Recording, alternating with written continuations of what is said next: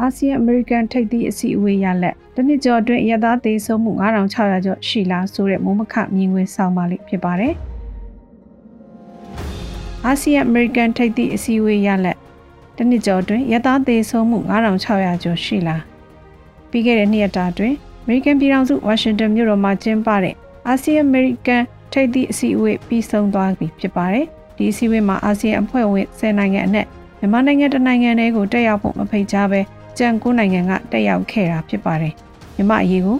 အမေရိကန်ပြည်ထောင်စုကအခုထပ်ပိုးပြီးကူညီပေးစေလိုသူမြမစစ်ကောင်စီကိုဖိအားပေးစေလိုသူတွေကတော့အာဆီယံအမေရိကန်ထိပ်သီးအစည်းအဝေးမှာမြမအရေးကအဓိကဆွေးနွေးစရာအကြောင်းဖြစ်လိမ့်မယ်လို့မျှော်လင့်ကြယူဆခဲ့ကြပါတယ်။ဒါပေမဲ့ဒီထိပ်သီးအစည်းအဝေးဟာမြမအရေးဆိုတာထက်အမေရိကန်နိုင်ငံရဲ့အာရှပစိဖိတ်ဒေသဆိုင်ရာမဟာဗျူဟာအရေးယူကရိန်းရေးမှာအာဆီယံရဲ့သဘောထားရည်တည်ချက်ဆိုင်ရာစတာတွေက အစည်းအဝေးရဲ့အဓိကအာဂျန်နာဖြစ်တယ်လို့အမေရိကန်ဘက်ကထုတ်ဖော်ပြောဆိုချက်တွေရသိနိုင်ပါတယ်။ဆယ်နိုင်ငံနဲ့ဖွဲ့ထားတဲ့အရှေ့တောင်အာရှနိုင်ငံများအဖွဲ့အာဆီယံနိုင်ငံတွေဟာအမေရိကန်ရဲ့မဟာဗျူဟာပြိုင်ဘက်တရုတ်နိုင်ငံနဲ့နှီးစပ်တဲ့အိန္ဒိယနိုင်ငံတွေပါဝင်တယ်လို့စီးပွားရေးရရင်းနှီးတဲ့ဆက်ဆံရေးရှိကြတဲ့နိုင်ငံတွေလည်းပါဝင်နေပြီးအရှေ့တောင်အာရှဒေသမှာတရုတ်နိုင်ငံရဲ့ဩဇာကိုထိန်းညှိဖို့ကိစ္စတွေယူကရိန်းအရေးမှာအရှေ့တောင်အာရှနိုင်ငံများရဲ့ပူးပေါင်းရည်တည်မှုတွေကိုရရှိဖို့ကိစ္စတွေက အမေရိကန်အတွက်အရေးကြီးတဲ့အာဂျနာတွေဖြစ်တာတွေ့ရပါတယ်။မြန်မာနိုင်ငံကိုနိုင်ငံရေးယာတူမဟုတ်သူအစ်စ်သားဖိတ်မယ်ဆိုတဲ့သဘောပြောဆိုခဲ့ပြီးစစ်ကောင်စီဘက်ကလည်း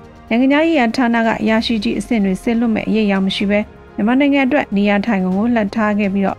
မြန်မာအရေးကိုတော့နှစ်ရက်တာမှဆွေးနွေးတဲ့အထက်တစ်စိတ်တစ်ပိုင်းထည့်သွင်းခဲ့ပုံရပြီးအဓိကအနေနဲ့တော့ NUG နိုင်ငံသားရေးဝန်ကြီးနဲ့ဖွဲ့ကိုစီဝေးတက်ဖို့ရောက်ရှိနေတဲ့အာဆီယံနိုင်ငံကောင်းဆောင်တွေနဲ့အလွတ်သဘောအစည်းအဝေးတွေဖြစ်ဆွေးနွေးဖို့အစီအစဉ်ခဲ့တဲ့သဘောမျိုးတွေ့ရပါတယ်။ ဒေါ်စမောင်နဲ့မလေးရှားဝန်ကြီးချုပ်တို့တွေ့ခဲ့တဲ့သတင်းတွေဖော်ပြထားပြီးအခြားအမည်မဖော်တဲ့အကောင်းဆောင်တချို့နဲ့လည်းတွေ့ခဲ့ပုံရပါတယ်။အမေရိကန်ပြည်ထောင်စုကမြမအရေးထက်ယူကရိန်းရေးကိုပိုအားစိုက်လှုပ်ဆောင်နေတာဖြစ်ပြီးမြမအရေးမှာလက်နက်ကင်တိုက်ပွဲတွေမှာပေါ်ပေါ်ထင်းထင်းကူညီမဲ့အရေးအရောက်အစကတည်းကမပြခဲ့သလိုခုချိန်ထိလည်းမတွေ့ရပါဘူး။တန်တမရေးရဖိအားပေးတာကုလသမဂ္ဂမှနေရာကိုချန်လက်ထားတာတွေလှုပ်ဆောင်တဲ့ကိစ္စတွေမှာပါဝင်ခဲ့တာရှိပြီးစစ်ကောင်စီပြုတ်ကြရေးအတွက်လက်နက်ကင်တိုက်ပွဲတွေမှာ ငွေကြေးလက်နက်ကူညီတဲ့အခြေအနေမျိုးမရှိတာတွေ့ရပါတယ်။နေ့ရက်တာအစည်းအဝေးပြီးထုတ်ပြန်တဲ့အာဆီယံအမေရိကန်ပူးတွဲထုတ်ပြန်ချက်ချက်28ချက်အနက်နံပါတ်26မှာသာမြမအရေးကိုဖော်ပြထားတယ်လို့သတင်းဖော်ပြထားကြတာတွေ့ရပါတယ်။စစ်ကောင်စီဥက္ကဋ္ဌကိုယ်တိုင်လက်ခံထားတဲ့အာဆီယံဘုံသဘောတူညီမှု၅ချက်ကို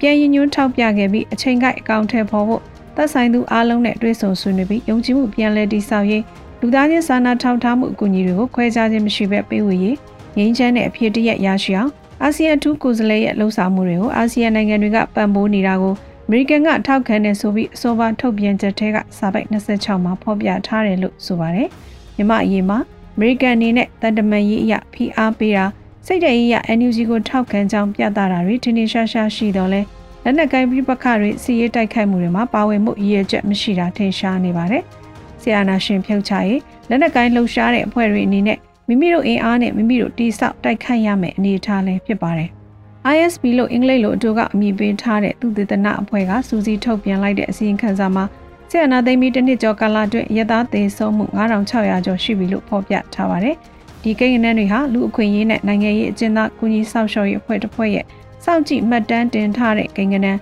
စစ်ကောင်စီပြောရေးဆိုခွင့်ရှိသူနဲ့ကြံ့ခိုင်ရေးပါတီဥက္ကဋ္ဌက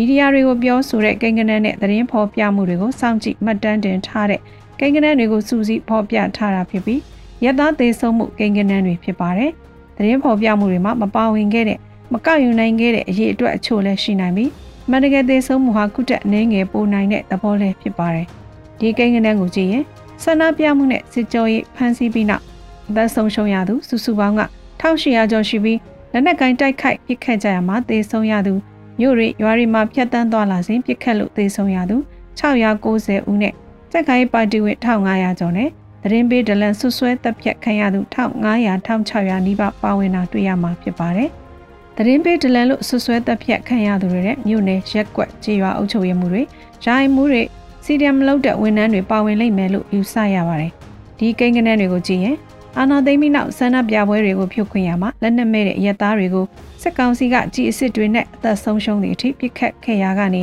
နောက်ပိုင်းဖမ်းဆီးသူတွေကိုလက်လွန်ချေလွန်နှိပ်စက်တာတပ်ဖြတ်တာတွေလှုပ်ဆောင်ပြီးကြောက်လန့်အောင်ချင်းကြောက်တပ်ဖြတ်မှုတွေနဲ့နောက်ပိုင်းဆန္ဒပြသူတွေအနက်က